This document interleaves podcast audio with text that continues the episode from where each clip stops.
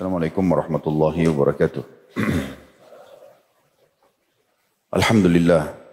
Selalu saja kita memuji Allah atas segala nikmat yang dilimpahkan kepada kita. Termasuk bisanya kita hadir bersama-sama di majelis ilmu ini yang semoga kita memohon kepada Allah Subhanahu wa taala mengikhlaskan niat kita dan menjadikan ini sebagai tambahan amal kita dan semoga dengan syukur ini Allah Subhanahu wa taala selalu mengisi hidup kita dengan umur yang tersisa diikuti dengan ilmu dan juga amal-amal saleh. Juga selanjutnya kita panjatkan salawat dan taslim kepada Nabi besar Muhammad sallallahu alaihi wasallam di mana beliau yang telah membawa kepada kita hukum halal haramnya Allah sehingga kita punya panduan hidup dan tentu ini sebagai bentuk kepatuhan kepada Allah yang telah memerintahkan kita untuk mengucapkannya dan kita berharap juga dibalas oleh Allah seperti yang sudah dijanjikan yaitu satu kali salam hormat akan dibalas dengan sepuluh kali tambahan rahmat. Melanjutkan bahasan dosa-dosa besar. Semoga Allah subhanahu wa ta'ala menyelamatkan kita darinya. Dan kita masuk di halaman 59 malam ini dari buku kita. Bab Maja'a fi Za'amu. Bab tentang tanda kutip mereka menyangka. Atau kalau kita berikan judul, bab larangan mengikuti prasangka yang salah atau keliru. Di sini penulis mengangkat dalil seperti biasa, saya akan bacakan dulu baru insya Allah kita rincikan. Semoga Allah berkahi. Yang diangkat pertama adalah surah An-Nur oleh penulis. Ayat 15. A'udhu billahi minasyaitan rajim. Idh talakawnahu bi alsinatikum wa takuluna bi afwahikum ma laysa lakum bihi ilm. Ma laysa lakum bihi ilmu wa tahsabunahu hayyinan azim. Ingatlah, di waktu kalian menerima berita bohong itu dari mulut ke mulut dan kalian katakan dengan mulut kalian apa yang kalian tidak ketahui atau kalian mengucapkan atau kalian katakan dengan mulut kalian apa yang tidak kalian ketahui sedikit juga atau sedikit pun dan kalian menganggapnya sesuatu yang ringan saja padahal dia besar di sisi Allah. Tentu An-Nur ayat 15 ini tidak asing bagi kita teman-teman sekalian karena ini menceritakan tentang kisah ifk. Kisah tentang fitnah yang tersebar bahwasanya Ummul Mukminin ibunda terhormat Aisyah radhiyallahu anha berzina dengan sahabat yang mulia Safwan yang sudah pernah kita ceritakan masalah itu tentunya di mana ini berita bohong gitu kan. Tetapi disayangkan pada saat itu banyak di antara muslimin bahkan menjadi berita yang hot news waktu itu di Madinah. Saya pakai istilah ini karena di Indonesia sudah biasa pakai ini. Bukan karena mau dianggap bisa bahasa Inggris ya. Jadi betul-betul pada saat itu berita itu dijadikan sebagai bahan pembicaraan sebulan. Tidak berhenti. Gitu kan.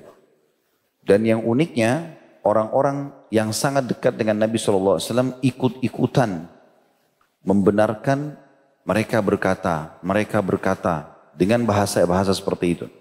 Sampai ipar Nabi SAW Hamna binti Jahash. Ya. Ini ipar Nabi SAW, saudaranya Zainab binti Jahash. Akhirnya dicambuk 80 derah kena berita, sebarin berita yang tidak benar, kena prasangkanya. Begitu juga dengan uh, penyair Nabi SAW. Ya. Kemudian juga salah satu sahabat Nabi yang lain sepupunya Abu Bakar. Hasan bin Thabit dan juga uh, Musrih bin Abi Musrih. Dan ketiganya akhirnya dicambuk pada saat itu.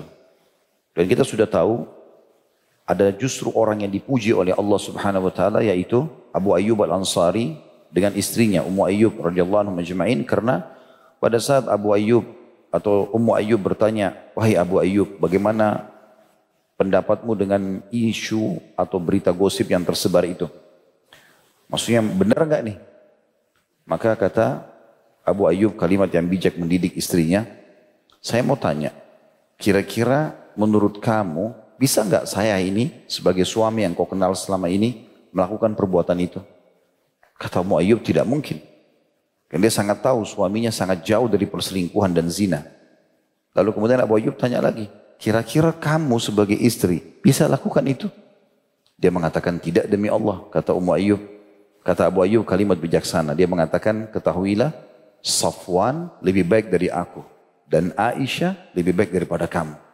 Artinya kalau kita saja nggak mungkin lakukan, apalagi mereka. Dan Nabi SAW memang naik di atas mimbar dan berkata pada saat itu, kenapa ada orang yang menyakiti aku di keluargaku?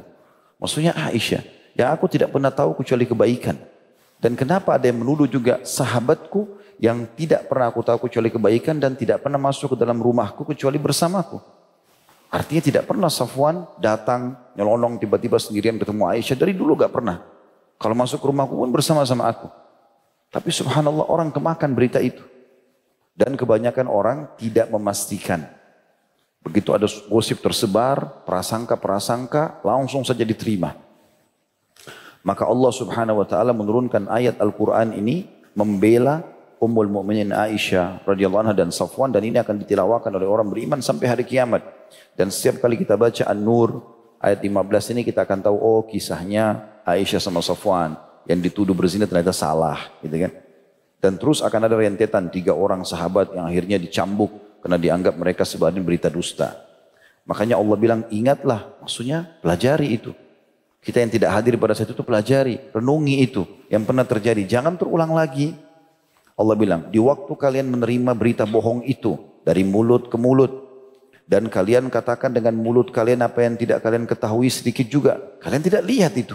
Memang lihat Aisyah zina sama Safwan. Gitu kan? Enggak, mereka enggak tahu, mereka enggak lihat. Hanya kebetulan Aisyah berada di atas unta, Safwan karena ingin diselamatkan dan dibawa karena tertinggal dari pasukan, Lalu dari jauh tersebar gosip itu. Kata Abdullah bin Abi Salul kepala munafik, mana bisa laki-laki sama perempuan berdua lalu selamat. Tapi dia pintar, dia nggak bilang berzina, dia cuma bilang selamat. Ya. Maksudnya di sini adalah berzina, tapi dia nggak kasih isyarat langsung atau dia tidak bahasa langsung, maka dia tidak kena hukuman cambuk gitu kan.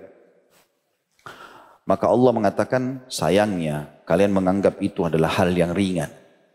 Padahal di sisi Allah sangat besar. Coba renungi teman-teman ini. Ada hadis Nabi yang pernah kita sampaikan. Riba itu 72 atau 73 tingkatan. Yang paling rendah seperti orang berzinai, menzinai ibunya sendiri. Jadi kalau kita kasih angka 1 sampai angka 73 atau 72 tingkatan, yang paling rendah riba seperti orang zina sama ibunya. Dan yang paling tingginya, tingkat 73 itu adalah mencoreng kehormatan seorang muslim. Jadi sama level riba tertinggi.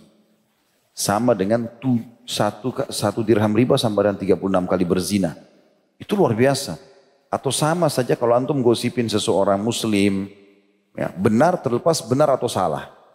Kalau salah berarti gosip. Gibah. Kalau benar berarti fitnah kan gitu. Maka itu sudah cukup kita mendapatkan pada saat itu panen dosa sama dengan 73 kali berzina dengan ibu sendiri. Karena satu kali riba itu yang paling rendah sama dengan sekali berzina sama ibu sendiri. Tapi itu 73 tingkatan, berarti sama dengan 73 kali. Hanya menceritakan sesuatu prasangka-prasangka, walaupun itu benar pun tidak boleh. Apalagi kalau tidak ada. Juga beliau mengangkat dalil surah Al-Hujurat ayat 6 yang bunyinya A'udzubillahi minasyaitonirrajim Ya ayyuhalladzina amanu in ja'akum fasikum binaba'in fatabayyanu an tusibu qauman bijahalatin fatusbihu ala ma fa'altum nadimin. Hai orang-orang beriman, jika datang kepada kalian orang yang fasik membawa suatu berita. Fasik itu nggak jelas statusnya orang ini. Siapa gurunya, lingkungan di mana dia hidup, bagaimana tanggapan keluarganya, bagaimana teman-temannya menilainya, gitu ya. Maka periksalah baik-baik, periksa dengan teliti agar kalian tidak menimpakan satu musibah kepada satu kaum tanpa mengetahui keadaannya yang menyebabkan kalian menyesal atas perbuatan kalian itu. Makna menyesal ini kalimat santun dari Allah SWT artinya kalian akan saya hukum dengan berat nih. Jadi hanya sekedar nerima, gosip. Maka teman-teman, kalau ada informasi yang sampai kepada kita, yang kita lakukan beberapa hal. Yang pertama sekali, Tanya dulu. Ini ada hubungannya sama saya enggak? Enggak ada hubungannya sama antum, anggap tidak dengar. Cukup ingkar mungkar, ya Allah perbaiki. Ya Allah berikan hidayah. Kalau hubungan sama antum, nama-nama nama antum dibawa-bawa, oke. Okay. Kalau enggak, jangan ikut-ikutan. Gak usah masuk ke zona orang lain. Masih banyak urusan kita yang harus kita selesaikan. Kemudian setelah itu, kalau pun ada hubungan sama kita, tabayun. Cross check dulu. Cross check pun itu betul-betul mendengarkan informasi dan melihat bukti-bukti. Karena orang fasik itu, salah satu cirinya, mereka kalau menyebarkan gosip, mereka punya argumentasi, bukan tidak punya. Syaitan membantu mereka membuat argumentasi itu. Seakan-akan betul-betul dia gambarkan di depan kita, kalau ini benar orang melakukannya. Apa Allah sebutkan tentang ciri orang munafik dalam surah munafik? Nabi Muhammad SAW sendiri bisa terpengaruh dengan mereka. Karena mengatur retorika, menyusun data-data palsu segala macam untuk menyesatkan atau menyalahkan orang yang sedang dia tuduh. Allah mengatakan a'udzubillahi minasyaitonir wa in wa in yaqulu tasma' liqaulihim ya. Wa idza ra'aitahum tu'jibuka ajsamuhum wa in yaqulu tasma' liqaulihim. Ada dua cirinya. Orang munafik penampilannya, paras wajahnya, pakaiannya semua bagus, menarik kalau dilihat. Plus kalau dia berkata, kau akan mendengar hai Muhammad. Ke retorika yang disusun. Padahal mereka itu dusta. Makanya teman-teman cross check dan cross check itu bukan hanya sekedar data-data. Sumber yang sedang menyampaikan kita ini orangnya benar gak nih? Kalau kalau zaman dulu ulama hadis untuk menilai orang itu layak jadi rujukan dalam sanad hadis dipelajari dicari tahu siapa guru-gurunya dulu. Makanya kalau kita lihat di buku-buku yang menjelaskan tentang biografi para perawi hadis itu dicari. Di situ ada guru-gurunya siapa saja, fulan, fulan, fulan, fulan, fulan. Kalau dia sudah sampai pada tingkat orang yang ahli hadis, ditulis itu murid-muridnya siapa, fulan, fulan, fulan, fulan, plus apa pendapat ulama tentang dia. Itu baru orang itu bisa diterima informasinya. Kita sekarang subhanallah nggak tahu orang ini dari mana asalnya, siapa gurunya, ya Bahkan mungkin kalau kita tanya keluarganya mungkin dia buruk di keluarganya. Keluarganya sendiri mungkin nilainya buruk. Tapi subhanallah banyak orang mengambil informasi dari dia. Itulah yang luar biasa di sini. Dan akhirnya akan menyesal. Karena kalau dia salah bagaimana dia perbaiki. Apalagi kalau meninggal belum sempat minta maaf. Ini sulit gitu kan. Juga hadis yang diangkat oleh penulis. Ini semua masih baru kita baca dalilnya ya. Akan lebih dalam kita bahas insya Allah sebentar. Abu Mas'ud atau Hudzaifah secara marfu disebutkan dari Abu Mas'ud atau Hudzaifah radhiyallahu anhu secara marfu bisa matiyatur rajul za'amu sejelek-jelek kendaraan seseorang dalam berbicara, berinteraksi, tanda kutip, mereka menyangka. Ya. Kayaknya begini, sepertinya orang itu bilang. Ya. Hadis ini riwayat Abu Daud dengan sanad sahih. Dan dalam riwayat Imam Muslim dari Abu Hurairah radhiyallahu anhu secara marfu dikatakan kafa bil mar'i kadziban an yuhadditsa bi kulli ma sami'. Cukuplah seseorang itu dianggap berdusta dengan mengatakan semua apa yang dia dengar. Dan tentu hadis ini semuanya adalah hadis-hadis yang sahih, ya.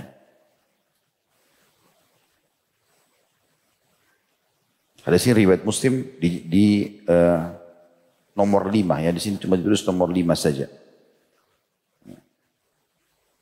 Kebanyakan sekarang teman-teman sekalian yang terjadi adalah ini yang terjadi di lapangan yang kita bisa lihat depan mata kita. Orang-orang fasik ini yang tersebar di tengah masyarakat kaum muslimin penampilannya seperti kita kaum muslimin. Mama dia juga muslim, tetapi dia menunggangi penampilan-penampilan islami. Ah, kalau bahasa pengajian kita ikhwah, akhwat, tapi masuk di taklim untuk menipu orang. Dengan performanya dia. Untuk menarik perhatian orang. Untuk bindam begitu. Saya sering sekali ketemu ikhwah itu. Ustaz, bagaimana ya Anda menghadapi ada orang yang menipu Anda? Kenapa akhi kasusnya? Kasusnya penampilannya kalau sholat di sah pertama. Berjenggot. Ya. Kalau pengajian selalu di depan. Di grup suka kirim jadwal-jadwal pengajian. Luar biasa aktifnya. Jadi pada saat dia tawarkan proyek, anak percaya.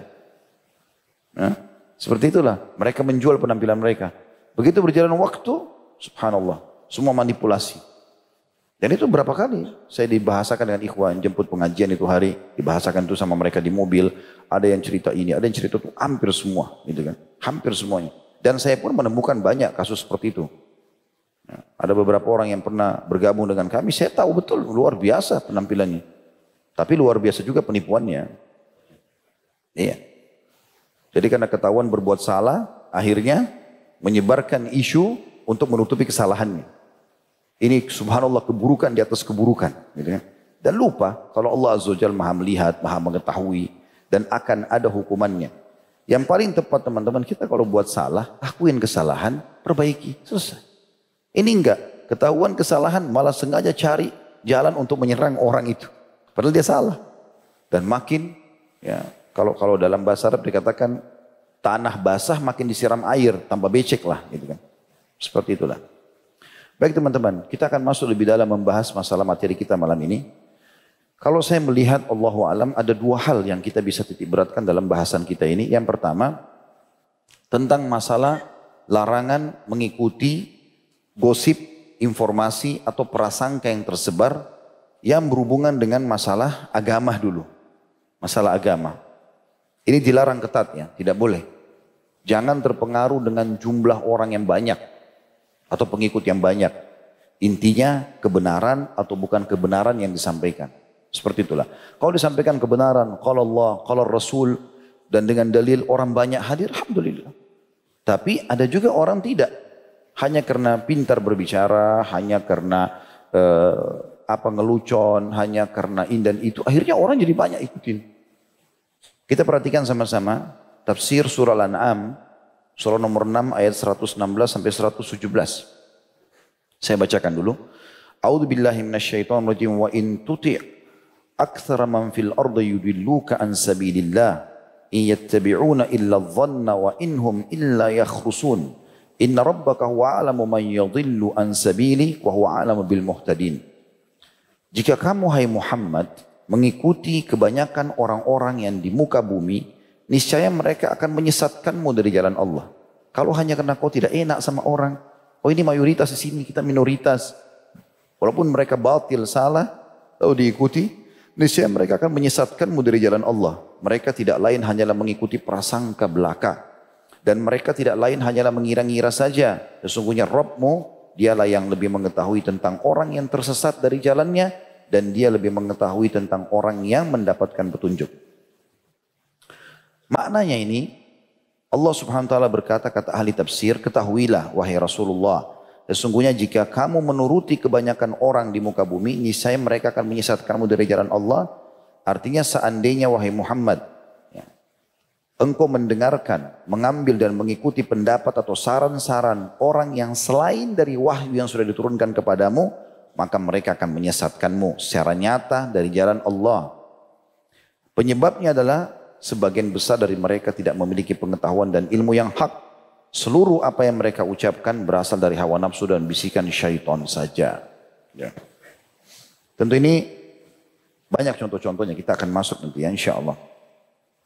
Ibnu Kathir berkata, Allah subhanahu wa ta'ala memberitahukan tentang keadaan sebagian besar penduduk bumi dari anak keturunan Adam berada dalam kesesatan. Artinya kalau dipertemukan jumlah orang yang benar dengan orang yang sesat, lebih banyak orang yang sesat.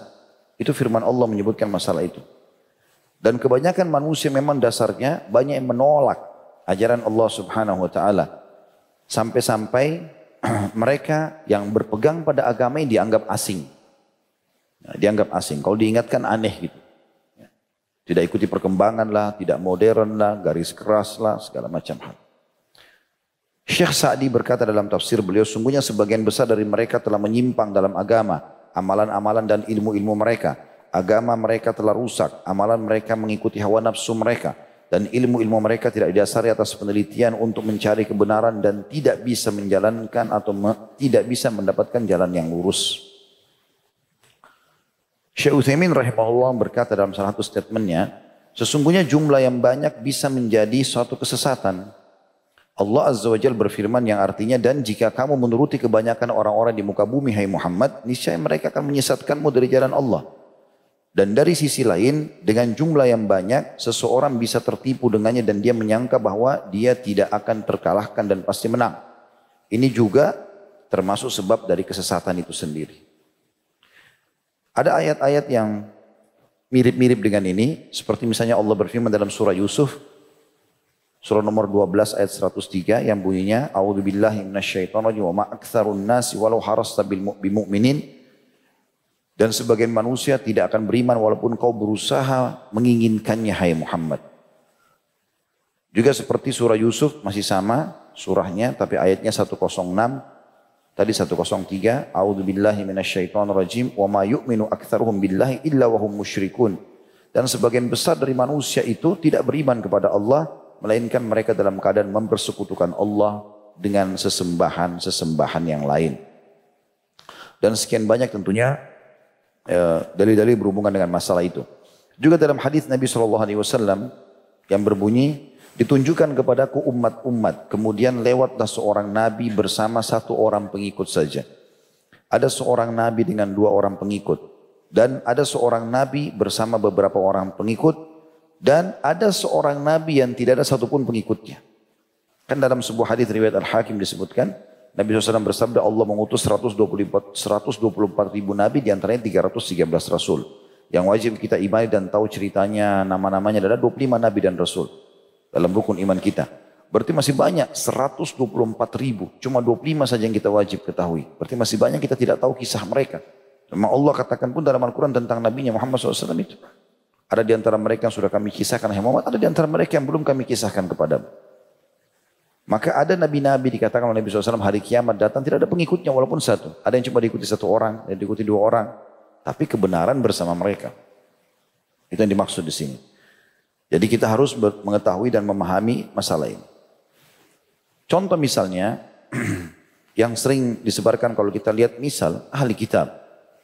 Ada firman Allah Subhanahu wa taala yang disebutkan dalam surah An-Nisa surah nomor 4 ayat 157. Ini contoh apa yang kita jelaskan tadi. Allah Subhanahu wa taala berfirman An-Nisa 157 A'udzu billahi minasyaitonir rajim. Wa qauluhum inna qatalna al-masiha Isa ibn Maryam rasulullah wa ma qataluhu wa ma salabuhu walakin shubbiha lahum.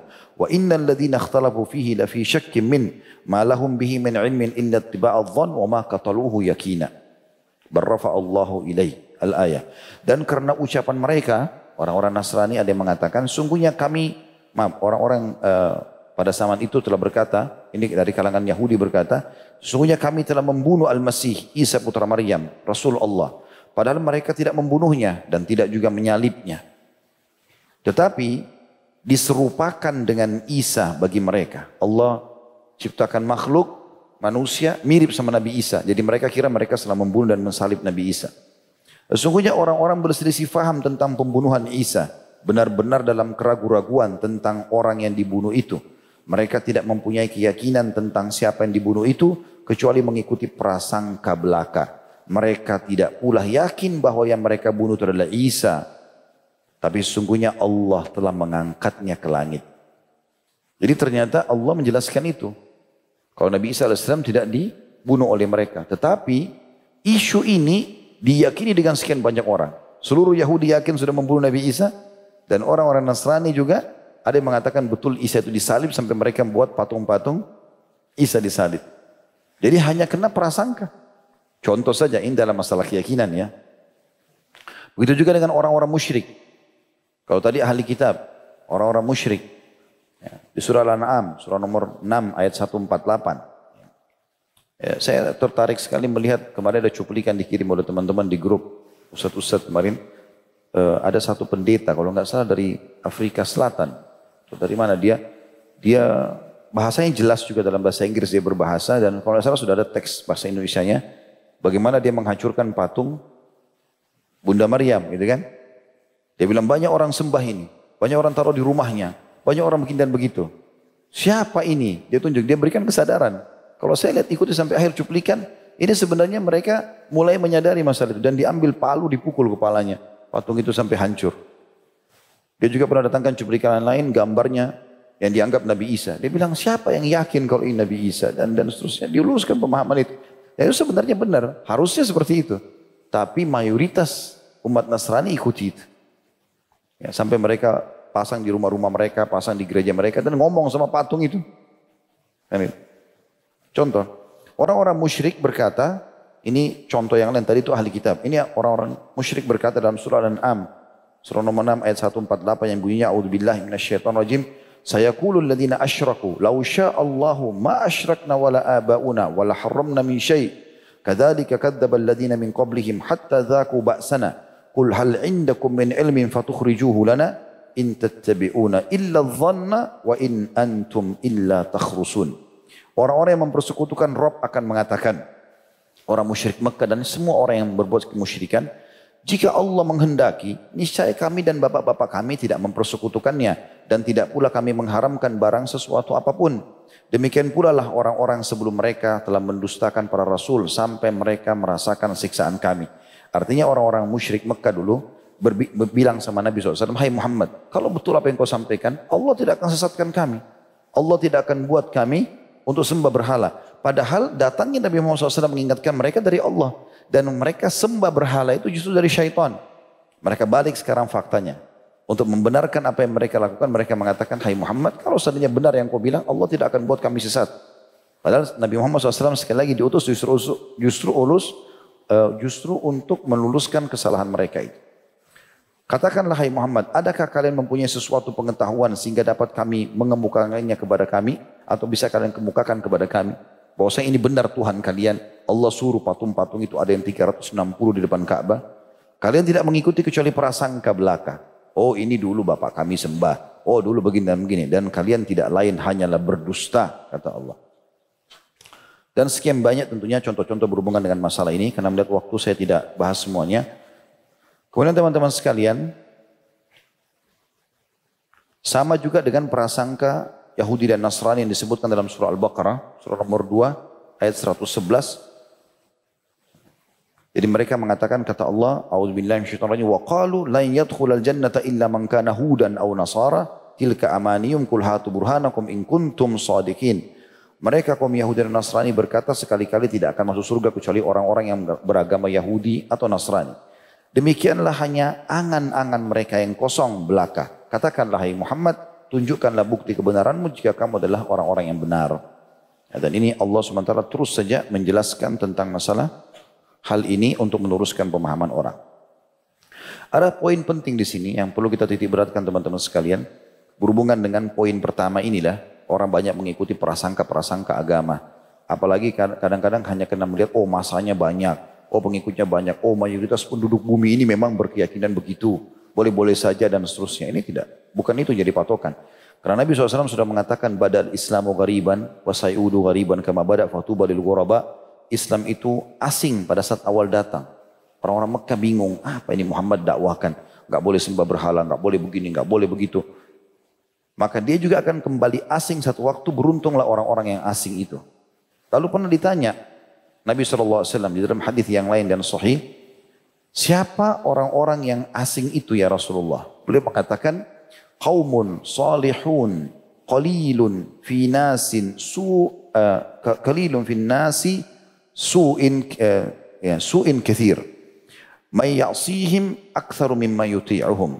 Mereka adalah orang-orang saleh yang jumlahnya sedikit di antara orang-orang buruk yang jumlahnya banyak. Orang yang menyelisih mereka lebih banyak daripada orang yang menuruti mereka. Mubarak bin Fadlah meriwayatkan dari Hasan Basri berkata, bahwasanya beliau pernah berkata, seandainya ada seseorang yang mendapati kaum salaf generasi pertama, kemudian dia dibangkitkan pada hari ini. Jadi kita perlu garis bawah ya, Hasan Basri dikenal dengan julukan anak susunya Nabi. Sebenarnya dia tidak pernah disusui oleh Ummul Mukminin, tapi ibunya Hasan Basri itu adalah hamba sahayanya Ummu Salamah. Jadi waktu Hasan Basri lahir setelah Nabi SAW meninggal, makanya dia masuk generasi tabi'in. Waktu Nabi SAW meninggal, Hasan Basri lahir. Dan ibunya adalah sahayanya Ummu Salamah. Jadi selalu berkhidmah dengan Ummu Salamah di rumah. Gitu kan. Waktu dia melahirkan, pernah Ummu Salamah suruh agar e, ibunya Hasan Basri beli sesuatu di pasar di Madinah. Nah waktu dia lagi pergi pasar, Hasan Basri itu bayi nangis. Maka oleh Ummu Salamah disusuin, tapi nggak ada asinya. Karena Ummu Salam waktu itu tidak ada ASI gitu kan. Maka keluar julukan Hasan Basri ini anak susu Nabi. Karena Ummul Mukminin pernah gituin gitu kan. Itu kedudukannya tinggi. Sampai dia menggambarkan waktu saya masih kecil dulu. Saya sering bermain di rumah Ummul Mukminin, ibu-ibu, orang-orang beriman, istri-istri Nabi. Sambil meloncat dan memegang atapnya. Jadi beliau memang sangat dekat dengan rumah kenabian gitu. Perhatikan apa kata Hasan Basri. Luar biasa. Beliau mengatakan gini.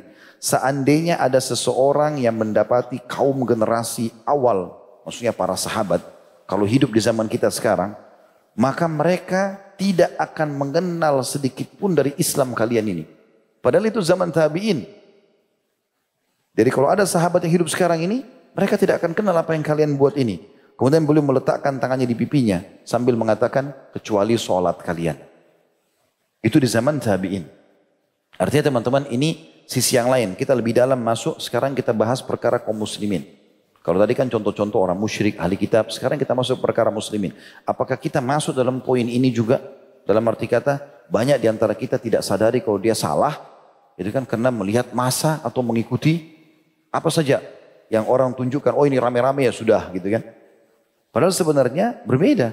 Perhatikan perkataan yang lain. Abu Darda radhiyallahu anhu pernah berkata, seandainya dari Abu Darda sahabat Nabi. Dia bilang waktu dia lihat tabi'in, generasi yang belajar dari para sahabat. Di masa itu ya, jadi masih sangat dekat sahabat yang ikut berperang sama Nabi. Mereka hidup dan belajar. Apa kata Abu Darda? Seandainya Rasulullah SAW keluar kepada kalian di saat ini, zaman tabi'in. Maka beliau tidak mengenal apa-apa yang dulu dikerjakan oleh beliau dan para sahabatnya kecuali sholat kalian saja. Artinya banyak yang kalian kerjakan aneh-aneh nih. Gak pernah ada di zaman Nabi. Kalau Nabi hidup, Nabi akan tolak nih. Dari mana kalian bawa ajaran ini? Gitu. Kan zaman sekarang kalau kita ingatin, oh ini wahabi, garis keras. Oh ini macam-macam, salah ini, salah itu, nggak mau. Sudah, oke, okay, baik, silahkan kerjakan. Yang penting tugas kami menyampaikan. Ini perkataan sahabat loh ya. Al-Auza'i berkata, seorang tabi'in masyhur, bagaimana jika Nabi SAW keluar di zaman ini? Auza'i ini jadi sudah belajar dari sahabat. Dia bicara juga sama tabi tabiin generasi setelahnya.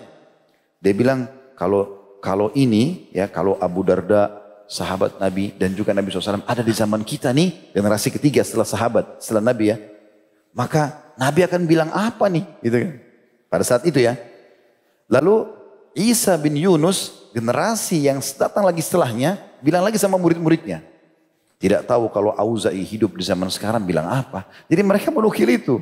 Gitu kan. Maka saya juga berkata di majelis kita ini. Kalau Rasulullah hidup di zaman sekarang dan para sahabat. Allahu alam apa yang akan dikatakan.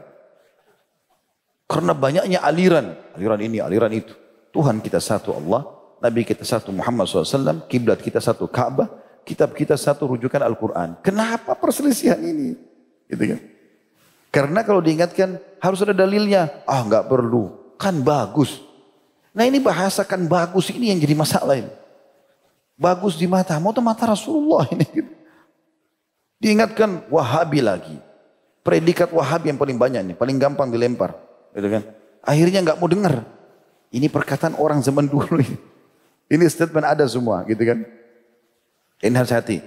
Kemudian yang luar biasa teman-teman, coba renungi hadis ini. Kata Nabi SAW terpecah Yahudi 71 golongan. Terpecah Nasrani 72 golongan. Terpecah umatku. Perhatikan, umatku. Dari kita. 73. Lebih banyak daripada Yahudi dan Nasrani. Apa kata Nabi? Semuanya di neraka. Bukan saya yang bilang ini. Berarti 73 itu masuk neraka dulu tuh. Itu kata Nabi. Bukan kata kita. Ini kalau diingatkan, oh ini garis keras lagi. Ini hadis Nabi baca makanya. Bah iya. Kadang-kadang lucu gitu loh. Kalau diingatkan itu, wah oh, luar biasa. Nabi bilang umatku 73. Semua di neraka. Kecuali satu kata Nabi. Ada satu, nggak pakai masuk neraka, surga langsung. Lalu kata para sahabat, siapa mereka ya Rasulullah? Kata Nabi SAW ada banyak riwayat ya. Di antara riwayat mereka adalah al-jamaah. Perhatikan kalimat ini. Al-jamaah artinya komunitas, gitu kan? Komunitas. Nah banyak orang di zaman kita sekarang menafsirkan dan memaknakan kalimat al-jamaah adalah jemaah muslimin. Jadi kalau mayoritas umat Islam lagi buat-buat apa, oh berarti gak apa-apa kan rame-rame. Bukan itu akhi dan ukhti. Al-jamaah yang dimaksud adalah tidak lepas daripada hadis yang lain. Karena hadis yang sama terpecah umat ini dan semua masuk neraka itu Nabi katakan waktu ditanya siapa yang satu itu? Kata beliau maka ana alaihi wa ashabi. Orang yang mengikuti aku dan sahabatku. Berarti al jamaah adalah Nabi dan sahabat. Bukan jamaah yang sekarang. Gitu paham gak sih? Lah iya gregetan gitu Oh ini karena jemaah muslimin rame-rame nggak apa-apa. La haula wala quwata illa billah. Jadi kalau masing-masing buat itu oh nggak apa-apa kan rame-rame itu. Al-jamaah, nabi dan sahabat. Berarti jemaah generasi awal. Makanya tadi perkataan para Abu Darda dan ya, tabi ini tuh, kalau nabi hidup sekarang heran lihat apa yang kalian buat nih. Itu sudah dikatakan. Gitu. Kok aneh benar gak paham. Baik. Dan dikatakan juga di sini al-jamaah selain kelompok yang pertama, itu juga dikuatkan dengan hadis Nabi SAW, hadis irbat yang masyhur. Berpeganglah pada sunnahku, sunnah khulafa rasyidin setelahku, Abu Bakar, Umar, Uthman, Ali. Berpegang teguh walaupun dengan gigi geraham kalian. Hati-hati dengan amal-amal yang dibuat-buat. Ini Nabi yang bilang, hadis masyhur. Karena itu akan membawa orang pada perbuatan baru dalam agama. Perbuatan baru agama itu adalah perbuatan yang salah, sesat dan pasti sesat akan bawa ke dalam api neraka. Nabi sebutkan suruh ikuti siapa? Beliau dengan sahabat. Berarti ini loh yang dimaksud dengan al-jamaah itu. Jadi bukan jemaah muslimin. Gitu kan? Karena kalau kita berpegang jamaah muslimin, berarti kalau orang lagi di Iran ikuti pemahaman Syiah, kan mayoritas muslimin. Berarti nggak apa-apa. Udah caci maki aja sahabat. Quran kurang. Kan begitu, karena mayoritas orang lakukan. Bukan itu. Jadi ini harus diluruskan pemahaman ini karena ini penting sekali untuk digarisbawahi tentunya ya. Kemudian yang kedua teman-teman sekalian dan ini masuk dalam bahasan kita.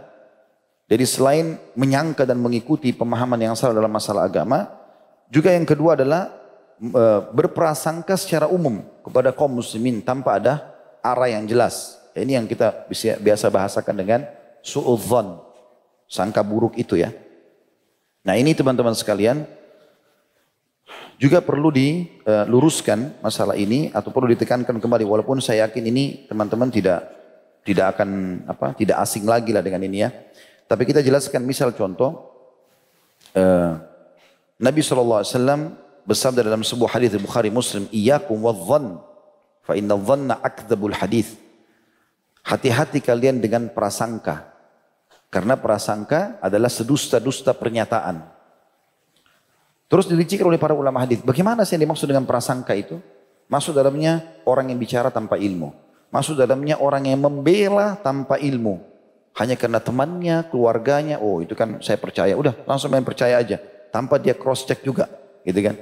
Atau dia berbicara, kemudian sengaja mencari-cari kesalahan dan memata-matai kaum muslimin. Masuk semua dalam masalah ini. Dan ini bahaya. Ini zon. Dan berbahaya.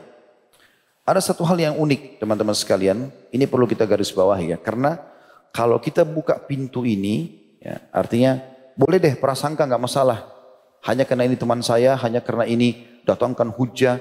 Walaupun orang itu teman-teman mendatangkan hujah. Ingat dua hal tadi yang kita sudah ingatkan. Pertama pastikan. Fasik bukan sumber sumber informasi ini fasik nggak? Cari tahu tentang gurunya, cari tahu tentang keluarganya. Apa kata orang tentang dia? Kalau dia thikoh, terpercaya, oke, okay, sudah masuk poin pertama. Yang kedua, kita pun kalau sudah terlibat teman-teman harus menjalankan hadis Nabi SAW. Kalau datang kepadamu seseorang yang telah copot satu matanya. Jangan kau percaya. Dia nangis-nangis di mataku, dipukul gini-gini. Jangan kau percaya. Sampai kau lihat rivalnya. Mungkin rivalnya, lawannya dua-dua matanya sudah copot. Itu hadis Nabi loh itu. Oh enggak, saya enggak perlu tabayun. Kenapa? Karena kan sudah jelas ini, ada buktinya, tertulis. Bisa orang buat palsu. Zaman sekarang apa yang enggak bisa? Foto diedit, tulisan dibuat, wah segala macam hal. Itu bahaya. Teman-teman kalau ada aib seorang muslim, tugas kita apa? Tutupi. Nasihati tutupi kan gitu. Coba kita renungi kisah ini, kisah unik ini, kisah Umar radhiyallahu anhu. Di zaman Umar bin Khattab radhiyallahu anhu lagi jadi khalifah, Beliau pernah jalan-jalan sama Abdullah bin Mas'ud di kota Madinah. Malam hari seperti biasa, tradisi beliau eh, radhiyallahu anhu itu selalu keliling-keliling mencari-cari mungkin ada yang butuh bantuan, mungkin ada seperti itulah. Intinya teman-teman sekalian, pada saat itu dia lewat Umar bin Khattab lewat di sebuah rumah, lagi ada masih menyala sumbuhnya. Kalau zaman sekarang kita lampu ya. Kemudian Umar bilang pada Abdullah bin Mas'ud, kamu tunggu di sini. Dengan hikmah Allah dia suruh tunggu. Kayaknya Abdullah Mas'ud tunggu, gak ikut. Umar ngintip dari jendelanya rumah itu. Ternyata di dalamnya terlihat ada seorang yang sudah tua, rambutnya putih, jenggotnya putih lagi minum khamr. Dan di depannya ada seorang wanita, budak hamba saya, yang disuruh menari dan juga menyanyi. Umar nggak pakai nunggu, masuk, dobrak pintunya. Kamu ini sudah tua, nggak ada pemandangan lebih buruk daripada hari ini yang saya lihat, kata Umar. Kenapa harus berbuat seperti ini? Maksudnya minum khamar, lalu minum minuman keras, lalu menyuruh perempuan ini menari-nari depanmu. Apa kata orang itu? Spontan dia bilang, wahai Amir Mukminin, yang anda lakukan lebih buruk daripada perbuatan saya. Kata Umar, kenapa? Pertama anda memata-matai saya. Dan Allah mengatakan, wala tajassasu. Jangan memata-matai. Dan Rasulullah SAW bersabda, la tajassas. La tajassus, jangan memata-matai. Yang kedua, anda masuk rumah saya tanpa izin. Umar tiba-tiba dengar itu, tundukin kepalanya radhiyallahu anhu, keluar dari rumah orang itu. Dan semenjak hari itu Umar menghardik dirinya. Hai Umar, kenapa kau memata-matai muslimin? Ini Umar bin Khattab khalifah, bayangin aja. Setelah dia dengar itu, Umar terus saja merenungi kalimat itu. Dan pulang dalam kondisi beliau merasa bersalah betul sama orang ini. Kenapa harus saya tahu salahnya orang? Dan apalagi dengan cara memata-mataikan beda kalau kita ketemu di jalan, dia lagi pegang hammer, wajar. Di rumahnya, apa urusannya? Apa urusannya? Sementara ada hadis Nabi SAW yang berbunyi dalam hadis Bukhari Muslim. Pernah kita jelaskan itu dalam bab dosa-dosa besar juga. Dosa-dosa besar juga kalau seandainya ada seseorang yang sengaja mengintipmu di rumah. Sengaja lihat cari kesalahan. Maka kalau seandainya kau congkel matanya atau kau lempar dengan batu tidak kau tidak berdosa. Hanya tidak bolehnya gitu kan. Tapi rentetannya ini teman-teman kalau orang sudah mendengarkan berita dari orang fasik, orang buruk, ya tidak tidak jelas siapa ini orang dan tidak jelas statusnya gitu kan. Gurunya siapa, dia bagaimana pandangan lingkungan atau masyarakat sekitar keluarganya, maka otomatis akan ada memata-matai. Pasti akan ke situ. Berlanjut kisahnya teman-teman sekalian. Beberapa hari setelah itu, Umar bin Khattab lagi duduk di majelisnya. Datang orang ini. Si kakek tua tadi datang. Dia duduk di belakang. Umar lihat. Umar lihat. Waktu dilihat oleh Umar, Umar langsung panggil dia. Ke sinilah. Maka orang ini datang dalam kondisi ketakutan. Dia khawatir nanti Umar akan bongkar aibnya segala macam. Gemetar dia. Lalu Umar panggil, duduk di sebelah saya. Duduk di sebelahnya. Apa kata Umar? Membisikkan orang itu. Wahai saudaraku, ketahuilah. Aku berjanji tidak akan pernah menceritakan apa aku lihat malam itu. Umar merasa berdosa. Ya. Aku berjanji padamu, aku tidak akan pernah ceritakan pada orang lain. Termasuk Abdullah bin Mas'ud, orang yang sedang temani Umar pada malam itu.